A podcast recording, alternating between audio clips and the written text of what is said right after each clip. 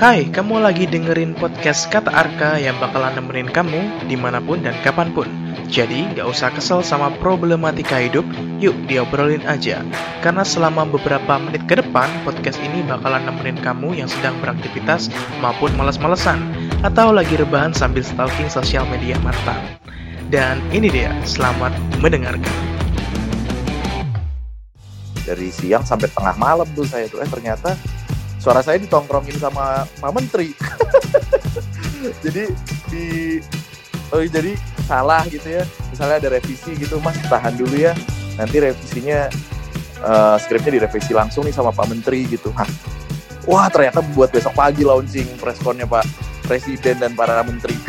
Di tahun kemarin itu dua kali deh saya AMI Award sama Miss Indonesia. Oh enggak, Miss Indonesia awal tahun. Awal tahun. Jadi voice over untuk event tersebut dan langsung kan live secara live gitu. Jadi nggak boleh salah.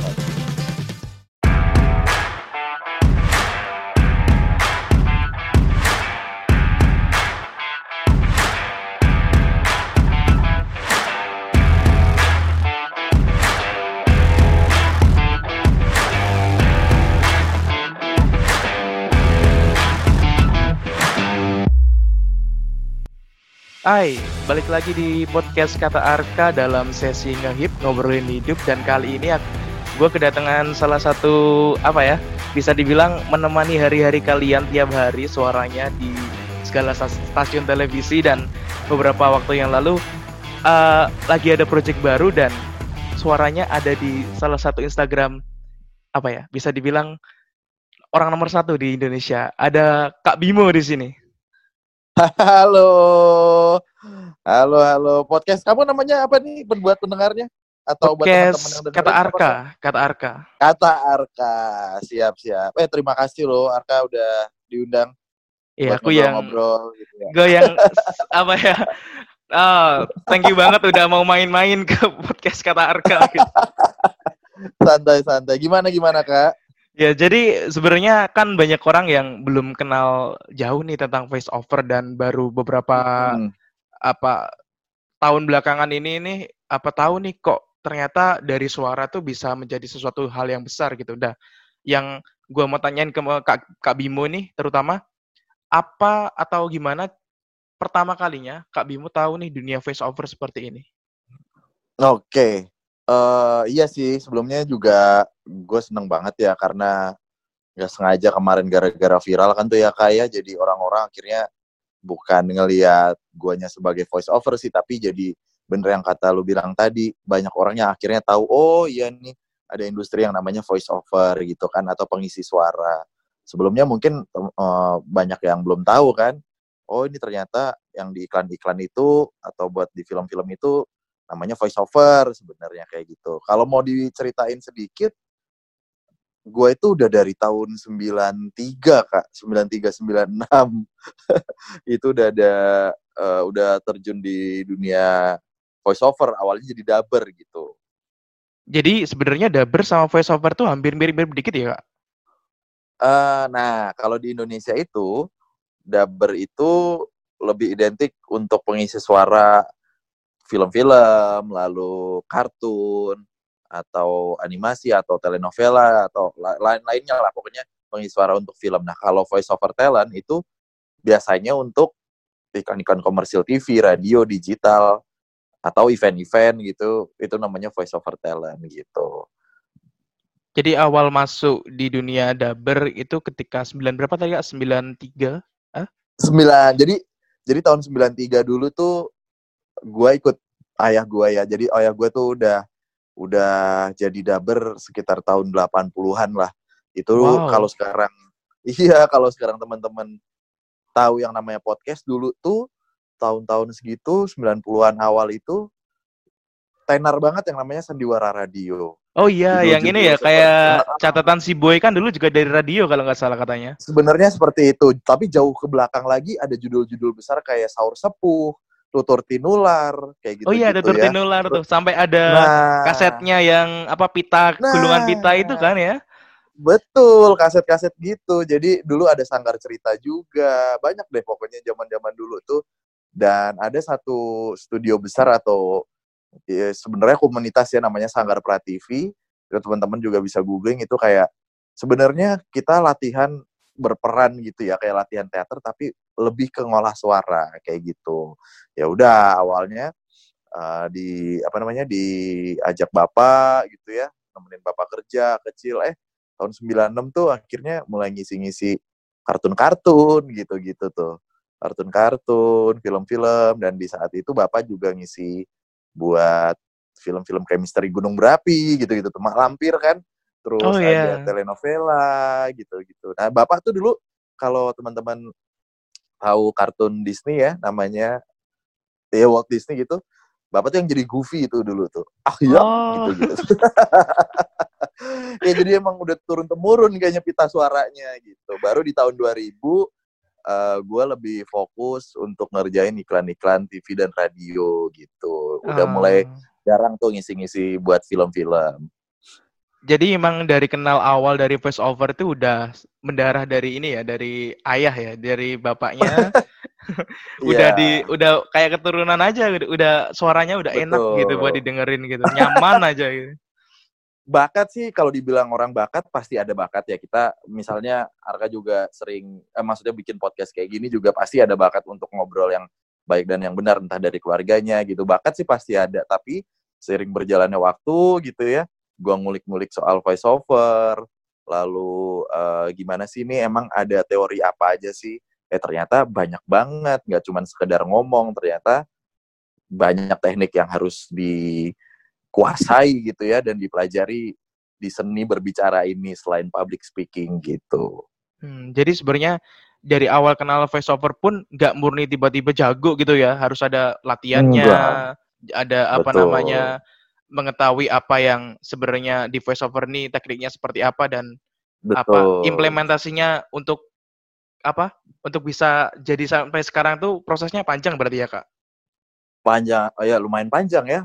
Sebelum uh, saya berani dalam tanda kutip untuk mencoba brandingin saya sebagai voiceover talent dan coba untuk uh, ngasih tahu ke teman-teman yang ada di sosial media atau orang-orang gitu, ya pasti saya ngulik dulu gitu uh, bersyukur banget saya itu lahir dan dibesarkan sama ayah seorang daber jadi basicnya itu udah ada tuh basic untuk karakter dan perannya gitu. Nah tapi sering berjalannya waktu juga saya mulai baca-baca banyak literasi gitu-gitu. Ternyata ada teknik-teknik seperti giggling, emphasizing, speed reading, intonasi, tone suara yang itu tuh kepake banget kalau teman-teman pengen masuk di dunia voice over gitu. Nah, untuk project nih, project yang kan kemarin hmm. ada sempat project bareng ini ya. Uh, kayaknya pemerintahan atau bagaimana BUMN mungkin ya, lebih tepatnya atau itu Kemenparekraf? Bisa oh iya benar benar benar benar. Betul betul. Yang bangga buatan Indonesia ya. Iya, itu Kemenparekraf uh -uh. atau BUMN tuh, Kak? Kayaknya itu uh, saya kurang tahu uh, sebenarnya project mungkin project dari Pak Tama ya tapi ini kan seba, boleh dibilangnya bukan campaign tapi kayak gerakan nasional untuk bangga buatan sendiri gitu kan. Di tengah pandemi kayak gini supaya ekonomi tetap berputar kita semua tetap bisa menghasilkan uang intinya ya kita saling support dan saling beli produk tetangga kanan kiri kita gitu kan. Kayak iya, gitu iya, sih. Iya. nah awalnya juga saya nggak tahu itu sebenarnya project itu. Jadi waktu itu di di di konteks sama hmm, ada, di di Instagram gitu ngontek saya, Mas uh, boleh bekerja sama nggak gini ini untuk program sosial gitu. Oh boleh boleh boleh.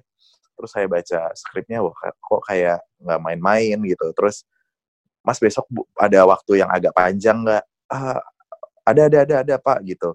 Dari siang sampai tengah malam tuh saya tuh eh ternyata suara saya ditongkrongin sama Pak Menteri. Jadi di oh jadi salah gitu ya misalnya ada revisi gitu mas tahan dulu ya nanti revisinya uh, skripnya direvisi langsung nih sama Pak Menteri gitu Hah. wah ternyata buat besok pagi launching preskonnya Pak Presiden dan para menteri jadi sebenarnya nggak gitu. nyangka ya nggak nyangka ya kalau sebenarnya project yang ditawarin itu ternyata gede banget gitu iya, gede banget. Ya, tugas negara tapi kan. Kalau project-project yang lain misalnya, yang selama ini hmm. udah dilakun dilakukan gitu, atau project pertama yang Kak Bimo dapat apa sih Kak? Waduh, lupa saya tahun 96 tuh pertama kali. Saya ngerjain buat iklan apa ya? Kayaknya minyak telon deh. Masih anak-anak juga waktu itu masih bocah juga ya kayak minyak telon deh itu project pertama saya cuman saya lupa di mana terus dapat berapa gitu juga karena masih kecil banget kan waktu itu juga. Kalau project-project yang apa ketika udah profesional nih udah apa ya udah seberapa banyak sih kak dari apa namanya iklan ataupun uh, TV komersil atau diundang ke acara? Kemarin kan sempat apa namanya beberapa acara ini ya gede kayak AMI Award misalnya gitu. Oh iya, kalau itu live voice over ya, jadi uh, apa ya kalau boleh dibilang kayak tantangan baru juga sih buat saya untuk live voice over di tahun kemarin itu dua kali deh saya AMI Award sama Miss Indonesia. Oh enggak, Miss Indonesia awal tahun. Awal tahun. Jadi voice over untuk event tersebut dan langsung kan live secara live gitu jadi nggak boleh salah nggak boleh uh, salah penyebutan nggak boleh gemeter nggak boleh ya pokoknya gitu deh banyak tantangannya juga cuman jadi proses juga kan gitu. Kalau project-project yang sudah berlalu iklan-iklan tuh apa yang paling berkesan atau sebanyak apa sih sebenarnya projectnya itu? Hmm, yang paling berkesan sih wah karena uh nggak nggak ada sih yang paling berkesan ya udah kebanyakan juga. Tapi satu sih mungkin uh, waktu itu uh, buat ngerjain apa ya? Saya lupa. Jadi memang iklan itu agak nyeleneh gitu. Bukan bukan buat bukan buat TV lah waktu itu buat digital gitu. Jadi bebas berkreasi kan. Nggak nggak nggak kayak di TV yang mungkin dijagain untuk tetap sopan iklannya gitu-gitu. Nah, waktu itu ada satu production house atau PH gitu yang kontak saya untuk bikin iklan yang agak nyeleneh gitu. Terus dibilang, jangan ngeluarin suara bagusnya ya, gitu. Pokoknya jelek-jelekin deh. Lah, gimana? Terus saya udah ngejelek, udah udah coba baca skrip jelek gitu ya, pakai nada jelek, pakai intonasi jelek, masih dibilang bagus, bingung juga saya. Ya udah dah, Jadi itu ya, bi gitu. kalau biasanya pengennya sih. ya pengennya bagus tapi tadi itu PH-nya minta agak suaranya agak dianeh-anehin gitu ya, kayak dijelek-jelekin gitu ya. Kalau dianeh-anehin masih mending. Ini minta dijelekin, kan saya bingung. bingung gimana ya harus jelek-jelekin gitu. Jadi sampai saat ini tuh uh, udah berapa iklan kak? Kita kira-kira, kira-kira project yang udah digarap? wah nggak nggak apal kak banyak nggak ngitungin ya ada. saking tiap gak hari gitu berarti kayaknya tiap hari aku nonton apa gua nonton TV nih atau tiap iklan itu kayaknya ada suaranya Kak Bimo nih gitu nyelip ada cuman nggak semua iya, iya. berarti yang ada di ya, ada ada di dunia voiceover ini sebenarnya banyak ya kak kenapa Kenapa yang kenapa? yang hadir di dunia voice over ini pekerjaan voice over ini sebenarnya orang-orangnya di baliknya itu banyak gitu. Lumayan banyak sebenarnya, tapi itu-itu aja dan lebih lebih apa ya? Trennya tuh lebih ke kenalan-kenalan aja gitu. Jadi circle-nya itu-itu aja, kolamnya itu-itu aja gitu. Nah, dengan dengan orang-orang akhirnya tahu industri voiceover gitu kan jadi makin banyak yang mau berkecimpung kan gitu. Jadi mungkin buat klien jadi nggak bosan. Wah bimo-bimo aja nih gitu. Ada juga yang lain gitu sih. So, kalau dibilang banyak sih banyak, cuman rata-rata kenal-kenalan aja gitu. Atau Jadi, anaknya dia, uh, atau ada pilihan dia, gitu ya. Gitu. Relasi ya berarti ya berarti ya. Iya, lebih ke KKN sih sebenarnya. lebih nepotisme. Tapi dalam hal kreatif dong tentunya dong. oh pasti dong, pasti. Nah makanya seneng banget juga sekarang banyak banget teman-teman yang juga buka apa ya, buka buka wawasan tentang voiceover, banyak yang branding dirinya sebagai voiceover talent. jadi jadi banyak yang tahu juga gitu tentang industri ini. Berarti nih untuk tips teman-teman yang bisa dibilang mau bergerak di dunia voiceover tuh gimana nih kak? Oke, jadi yang pertama harus ditanemin dulu gitu ya di teman-teman itu jangan pesimis suara jelek. Nggak ada suara yang jelek gitu. Semuanya bagus diciptain sama Tuhan. Yang jelek itu pandangan aja dan pendengaran orang.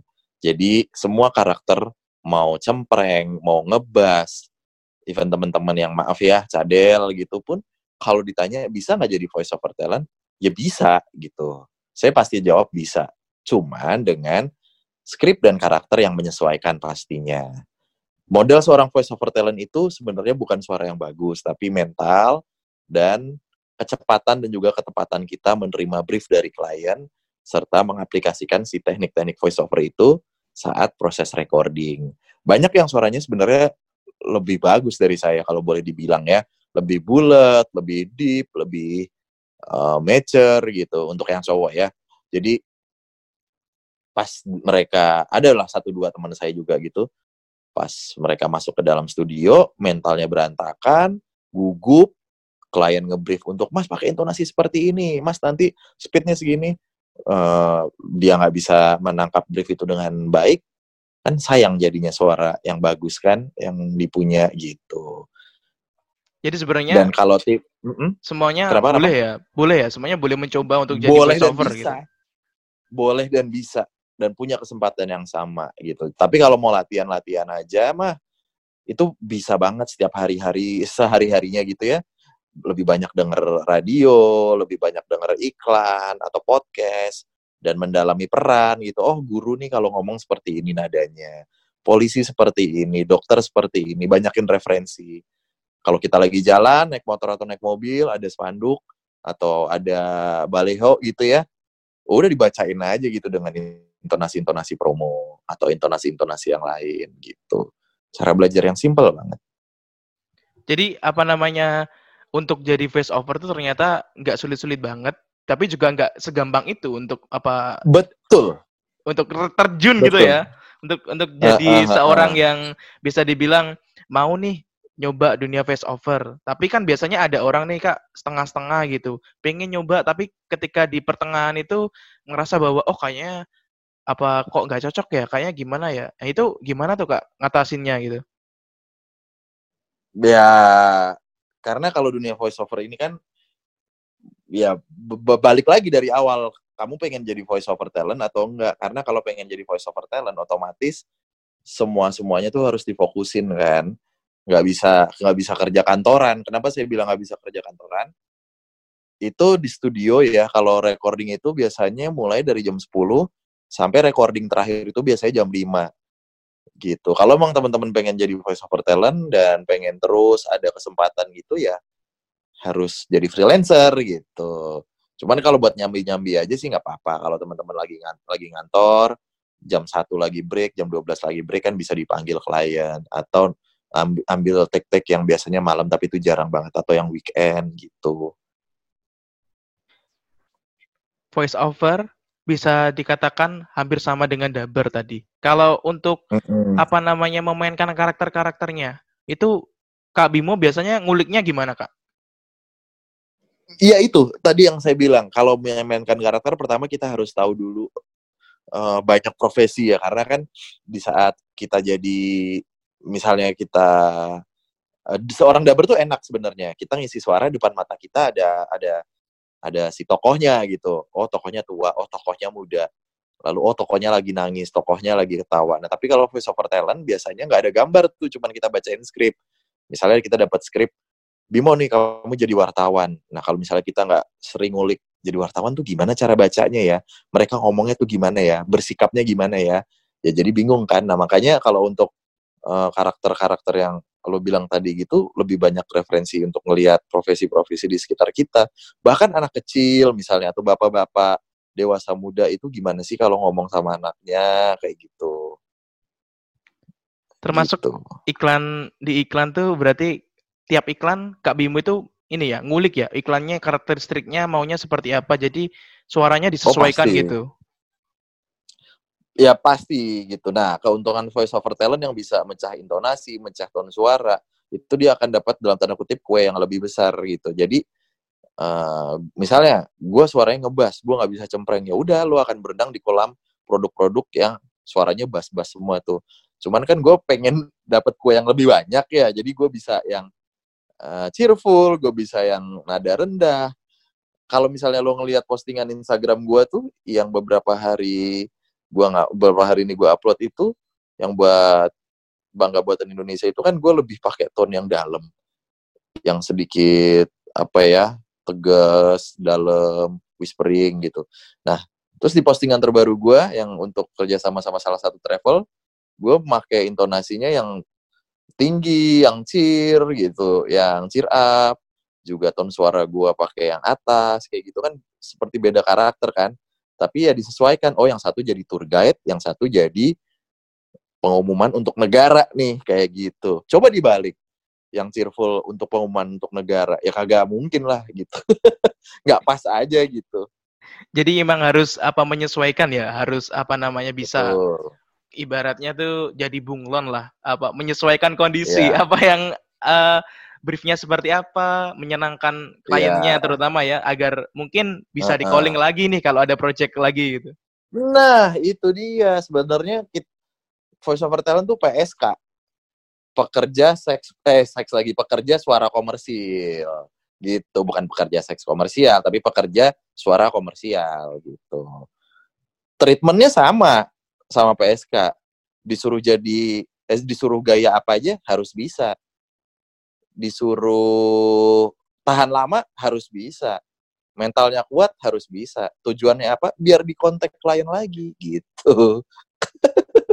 Boleh boleh boleh. Bener kak. Iya gaya gaya dimaksud kan kita harus bisa berbagai macam style dong. Jadi apa aja bentukan kayak gimana harus bisa. Tahan lama ya kita juga harus stamina harus kuat dan segala macem gitu ya. Harus tahan banting. Mental udah pasti ujung-ujungnya biar klien kontak lagi gitu. Salah satu apa ya line yang kakak inget apa iklan yang paling kena banget gitu kayak mungkin struggle-nya ketika itu bingung mau pakai tekniknya seperti apa atau apakah emang nggak pernah ada? Udah lancar-lancar aja gitu? Udah lancar-lancar aja sih. Kalau dibilang, mak maksudnya gimana pertanyaannya? Kayak apa dapat project nih, tapi Kak Bimo bingung apa mau apa namanya ngasih karakter suara seperti apa atau apa bingung mau oh gitu loh. Mm, mm, mm, mm. Jadi biasanya sebelum kita take atau recording itu kan ada produser yang ngelempar suara-suara saya dan teman-teman yang lagi pitching itu ke agensi atau ke brand yang minta kan. Jadi bisa dipastikan nggak bakal salah casting gitu. Jadi misalnya ada brand, misalnya brand rokok A gitu ya, brand rokok A ini akan uh, minta produser untuk cariin VO talent yang pas, yang suaranya sesuai dengan karakter produknya. Dapatlah lima A, B, C, D, E gitu misalnya. Saya di B kan. Oh ternyata alhamdulillah saya yang dapat nih. Ya udah kan gak jauh-jauh kan dari karakternya. Udah ada persetujuan dari klien juga lah gitu. Jadi kecil kemungkinan untuk salah casting. Jadi udah lancar-lancar aja ya karena apa namanya udah melewati proses yang panjang untuk akhirnya bisa dipilih untuk ini nih Kak Bimo nih yang jadi talent di iklan ini gitu. Iya betul seperti itu. Terakhir Kak apa namanya menanggapi ya. impersonet impersonet kan beberapa hmm. waktu ini ini rame si Kristo uh, yang itu. Oh Kristo ya. Uh, itu uh, gimana tuh? Apakah ya. uh, apakah emang orang-orang kayaknya lebih suka kalau apa orang-orang itu menirukan sesuatu atau menirukan apa namanya gaya bicara gitu, Pak? Ya, sebenarnya impersonate itu juga masuk dalam satu satu payung yang namanya voice talent ya. Kalau dibilang voice talent mah penyiar radio juga voice talent, MC juga voice talent, podcaster juga voice talent. Termasuk teman-teman impersonate gitu itu juga mereka punya keahlian untuk menirukan kan menirukan apa namanya menirukan uh, orang-orang lain gitu itu kelebihannya dia jadi enak banget dia udah dapat banget karakter uh, bermain karakter tuh udah dapat banget gitu. Ya kalau dibilang orang-orang lebih suka ya pasti suka. Saya aja suka ngeliatin Kristo. Gila itu bakatnya parah banget gitu. Skill juga gitu. Bakat sih nggak nggak semua orang bisa. Hiburan juga kan lucu-lucu juga postingan dia gitu. Tapi kan Kak Bimo juga bikin hiburan nih beberapa apa hari kebelakangan tuh bikin itu yang sama apa temennya yang cewek tuh bikin ini bareng live Oh, apa sama namanya Putri ya. Heeh, heeh. itu kan Hmm, cukup hmm, menghibur juga kak gitu Iya, iya, iya. Makanya kalau kita bikin yang sama sama kreator lain kan jatuhnya kayak apa ya? Ya udah kalau impersonate udah Kristo tuh makanannya. Nah, saya bingung kan waktu itu apa ya yang bikin voice over eh, bisa lebih eh, dilihat gitu. Waktu itu ketemu sama Putri dan akhirnya kita bikin pas banget waktu itu momen eh, teman-teman kan jadi kangen liburan gitu-gitu ya. ya kita bikin cover untuk flight safety announcement buat salah satu maskapai gitu. Terima kasih nih kak udah kan apa namanya datang nih di kata Arka Eh, untuk menutup Ya. sesi ngehip ngobrolin tentang hidup tips dari kak Bimo eh, untuk menghadapi pandemi kayak gini untuk bisa kreatif atau menjaga tetap apa ya tetap waras lah kak di tengah kayak gini tuh gimana kak Ya tetap produktif, pastinya harus tetap produktif. Produktif dengan apa yang kita punya. Emang males sih sebenarnya musuh terbesarnya itu males. Tapi saya yakin ketika udah dimulai itu mau nggak mau kan kita nyebur atau nyemplung gitu ya. Yang penting nyemplungnya dulu itu loh. Kayak teman saya, istrinya jago ngerajut, jago ngejahit. Eh sekarang bikin channel YouTube untuk belajar bareng ngejahit kayak gitu-gitu kan salah satu kreativitas yang menghasilkan dan produknya bisa dijual di Instagram atau teman-teman yang suka berkebun misalnya bikin aja sesuatu apa yang unik gitu dan melihat momen juga gitu. Kalau mau mau mau apa ya mau struggle juga ngelihat momen dan tetap produktif sih gitu. Dan project selanjutnya dari kak Bimo apa nih? Yang kiranya mungkin kayak atau buat breakdown kah? Apa behind the scene lagi ini apa namanya voice over atau ngasih tips-tips tapi lewat video YouTube mungkin? Atau gimana kak? kalau di YouTube pasti saya ma- masih sering upload ya di YouTube tuh. Di YouTube saya di hashtag belajar VO ini saya lagi coba rajinin lagi karena banyak banget yang DM untuk lanjutin channel YouTube belajar VO terus kalau teman-teman emang mau belajar voice over yang eh, lebih spesifik gitu materi-materinya itu bisa follow di at Voice Institute Indonesia itu saya dan beberapa teman saya juga. Em, bikin apa ya bikin tempat atau wadah buat teman-teman tuh bisa belajar materi-materi tentang voice over kayak gitu sih. Kalau di Instagram saya lebih banyak iklan justru. Ya gimana konten saya iklan semua? Dari bawah sampai atas voice over talent kontennya iklan semua. Iya juga sih. gitu. Ah. iya. Jika kau punya ruang untuk menunjukkan yang kau banggakan, sediakan juga ruang untuk masa depan. Dengan banggakan buatan mereka, saudara sebangsa kita sendiri beli produk mereka yang berani menantang nasib, bertaruh demi wujudkan mimpi. Yang dari tetesan keringatnya melahirkan karya, banggakan bangsa dengan gigih beradaptasi dalam era digital ini. Yang tiap deru usahanya menjadi tiang-tiang kita memajukan negeri. Yang karyanya jadi simbol perjuangan negeri. Bersama-sama jaga ekonomi. Jadilah pejuang untuk negeri. Berikan ruang untuk masa depan bangsa dengan bangga buatan Indonesia.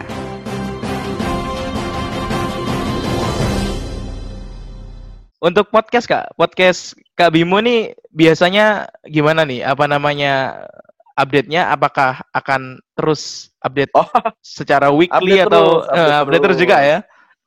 Karena update terus. ngikutin Jadi juga kebetulan- asik-asik banget gitu kak. Obrolannya tuh men- apa nggak nggak bikin tegang, tapi ada apa sense humornya gitu loh.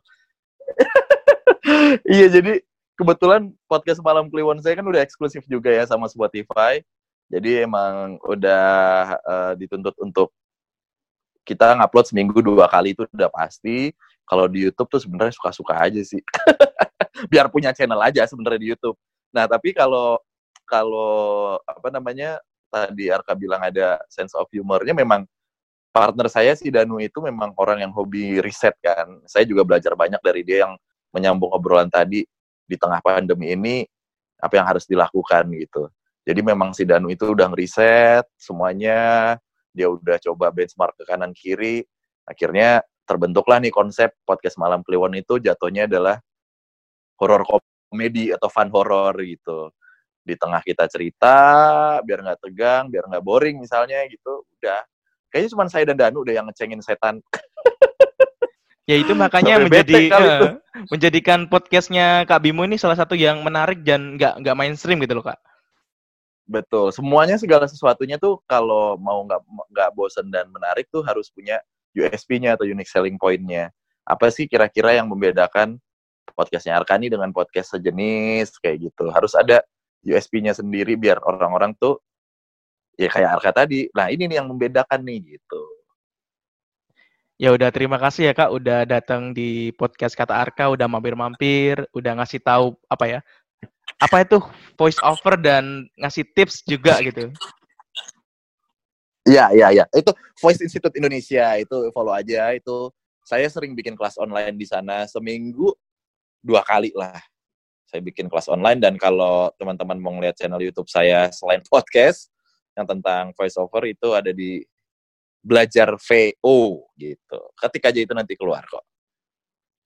Ya udah, terima kasih ya Kak Bimo. Ya, sama-sama Kak.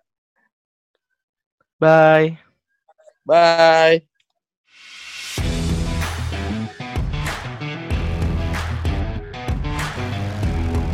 Hai, kamu sudah selesai mendengarkan podcast Kata Arka dalam episode kali ini. Jangan lupa subscribe podcast ini kalau kamu suka dan kasih tahu teman-teman kamu yang lain dengan share podcast ini di sosial media kamu. Dan beri rating apabila kamu lagi dengerin di Apple Podcast atau iTunes. Terima kasih dan sampai jumpa di episode Kata Arka lainnya.